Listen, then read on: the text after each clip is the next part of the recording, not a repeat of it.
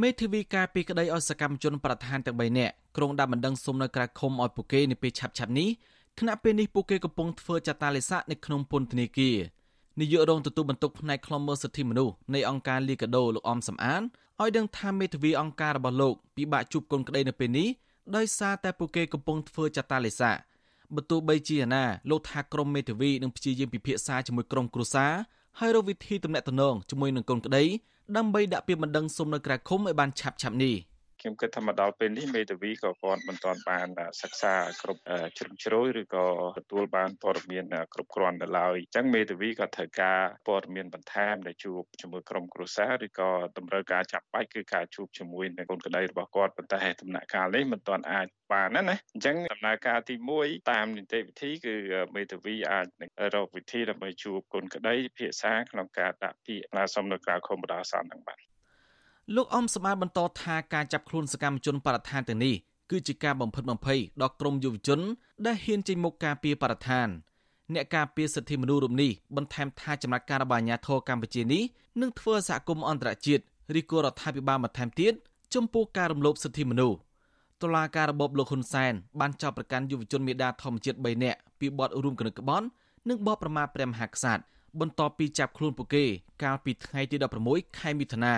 ក្នុងនោះកញ្ញាសុរដ្ឋានិងលោកយឹមលៀងហ៊ីរងការចាប់ប្រកាន់ពីបទល្មើសរីឯយុវជនលីច័ន្ទរាវុធរងការចាប់ប្រកាន់មួយបទល្មើសគឺបទរួមគំនិតក្បត់បទប្រមាថព្រះមហាក្សត្រប្រឈមនឹងទោសជាប់ពន្ធនាគារពី1ឆ្នាំដល់5ឆ្នាំគណៈបទរួមគំនិតក្បត់ជាប់ទោសចន្លោះពី5ឆ្នាំដល់10ឆ្នាំព្រមទាំងពិន័យជាប្រាក់ច្រើនលានរៀលបន្ថែមទៀតជុំវិញរឿងនេះម្ដាយរបស់កញ្ញាសុរដ្ឋាគឺលោកស្រីដួងរីថ្លែងទាំងក្តុកក្តួលថាក្រោយតឡាការសម្រេចឃុំខ្លួនកូនមក លោកស្រីមិនបានជួបកូននៅឡើយទេលោកស្រីបញ្ជាក់ថាពេលនេះលោកស្រីកេងមិនលក់ដោយសារបារម្ភពីសុខទុក្ខកូនស្រីជាខ្លាំងដោយសារកូនស្រីមានជំងឺអាឡែកស៊ីច្រមុះស្រួចស្រាលលោកស្រីឲ្យចំណាត់ការរបស់តុលាការនេះថាជារឿងអយុត្តិធម៌ចំពោះយុវជន ដែលខិតខំការពារបរិស្ថាននិងធនធានធម្មជាតិហើយទទូចឲ្យតុលាការដោះលែងកូនស្រីឲ្យមានសេរីភាពឡើងវិញ។ អយុធធម៌មែនកូនអ៊ីនៅនេះមិនដែលមានបញ្ហាស្អីផងទៅរៀនទៅអីធម្មតារងថ្ងៃប្រវល់បារម្ភមែនតែដេកតាចុចទូរស័ព្ទមើល Facebook ទៅឃើញកូនទៅភ្នែកធាមកអស់កាត់ចិត្តកាត់វាមិនបានទេរងថ្ងៃស្រដៀងគ្នានេះម្ដាយរបស់យុវជនលីច័ន្ទរាវុធដែលសុំមិនបញ្ចេញឈ្មោះឲ្យដឹងថាមន្ត្រីពន្ធនាគារមិនអនុញ្ញាតឲ្យលោកស្រីជួបកូនប្រុសទេ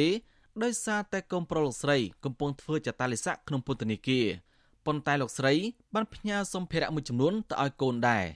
ម្ដាយយុវជនបរិស្ថានរំនេះសោកស្ដាយដែលតឡាការចាប់ប្រកាន់កូនប្រុសលោកស្រីដែលពុំបានប្រព្រឹត្តកំហុសលោកស្រីអះអាងថាកូនលោកស្រីគឺជាយុវជនដែលស្រឡាញ់បរិស្ថានចេញមុខការពារបរិស្ថាននិងប្រព្រឹត្តអំពើល្អការពារសង្គមតែប៉ុណ្ណោះ។ ដោយសារការលះបង់របស់គាត់ការស្រឡាញ់របស់គាត់គាត់ប្រឹងលះបង់ចំណាយទាំងផ្លូវចិត្តផ្លូវកាយពេលវេលាពេលខ្លះគាត់សម្ពាធអញ្ចឹងសូមឲ្យខាងរដ្ឋាភិបាលហ្នឹងគួរតែយកចិត្តទុកដាក់លើយុវជនបរិស្ថានសូមឲ្យទម្លាក់ការចោទប្រកាន់ហើយឲ្យពួកគាត់មានសេរីភាពឡើងវិញទៅព្រោះពួកគាត់អត់មានអីខុសទេធំពី3នាក់ហ្នឹងគាត់ទៅធ្វើអីកើតហើយណាមួយកំណត់គាត់ក៏មិនដែរដល់កំណត់ទៅធ្វើរឿងអីដែលមិនល្អផងគាត់ធ្វើតែទឹកលូមើលតែដីបឹងដែលថាមិនគួរលុបខ្លាចលេខផ្ទះអីតែប៉ុណ្ណឹងហ្នឹង តកតទៅនឹងស្ថានភាពរបស់សកម្មជនបរិស្ថានទាំង3នាក់នេះអ្នកនាំពាក្យអគ្គនាយកដ្ឋានពន្ធនាគារលោកនុតសាវណ្ណាប្រាប់ថាពួកគេកំពុងធ្វើចតាលិស័កនៅក្នុងពន្ធនាគារហើយពួកគេទទួលបានការហូបចុកនិងពិនិត្យសុខភាពដោយអ្នកចាប់ឃុំផ្សេងទៀតដែរចំពោះការជួបជាមួយមេធាវីដូចជា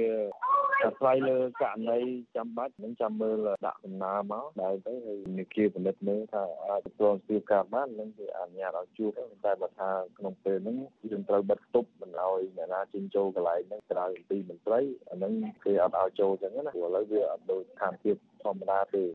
ក្រុមអង្គការសិទ្ធិមនុស្សអន្តរជាតិបានថ្កោលទោសធ្ងន់ធ្ងរទៅលើរបបក្រុងភ្នំពេញចំពោះករណីចាប់ខ្លួនសកម្មជនបដិឋានទាំង3នាក់នេះពួកគេចាត់ទុកថាការចាប់ប្រកាន់ដ៏អាក្រក់ហួសហេតុនេះ គឺជាការប៉ុនប៉ងឥតលាក់លៀមរបស់អាជ្ញាធរកម្ពុជា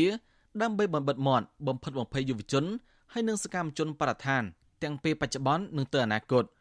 ក្រុមអង្គការសង្គមស៊ីវិលជាតិនិងអន្តរជាតិរួមទាំងស្ថានទូតប្រទេសប្រជាធិបតេយ្យមួយចំនួនផងបានទាមទាររបបលោកហ៊ុនសែនទម្លាក់ចោលបទចោទប្រកាន់ហើយដោះលែងសកម្មជនទាំង3នាក់ព្រមទាំងសកម្មជនមួយចំនួនទៀតឲ្យមានសេរីភាពជាបន្ទាន់ជាមួយគ្នានេះ ពួកគេក៏ជំរុញឲ្យរដ្ឋាភិបាលលោកហ៊ុនសែនបញ្ឈប់ការធ្វើបាបក្រុមអ្នកការពារបរិស្ថានហើយងាកទៅគោរពសិទ្ធិពលរដ្ឋហើយលើកទឹកចិត្តយុវជនឲ្យចូលរួមការពារបរិស្ថានឲ្យបានទូលំទូលាយវិញខ្ញុំសនចាររថាវិទ្យុអាស៊ីសេរីរាយការណ៍ពីរដ្ឋធានីវ៉ាស៊ីនតោន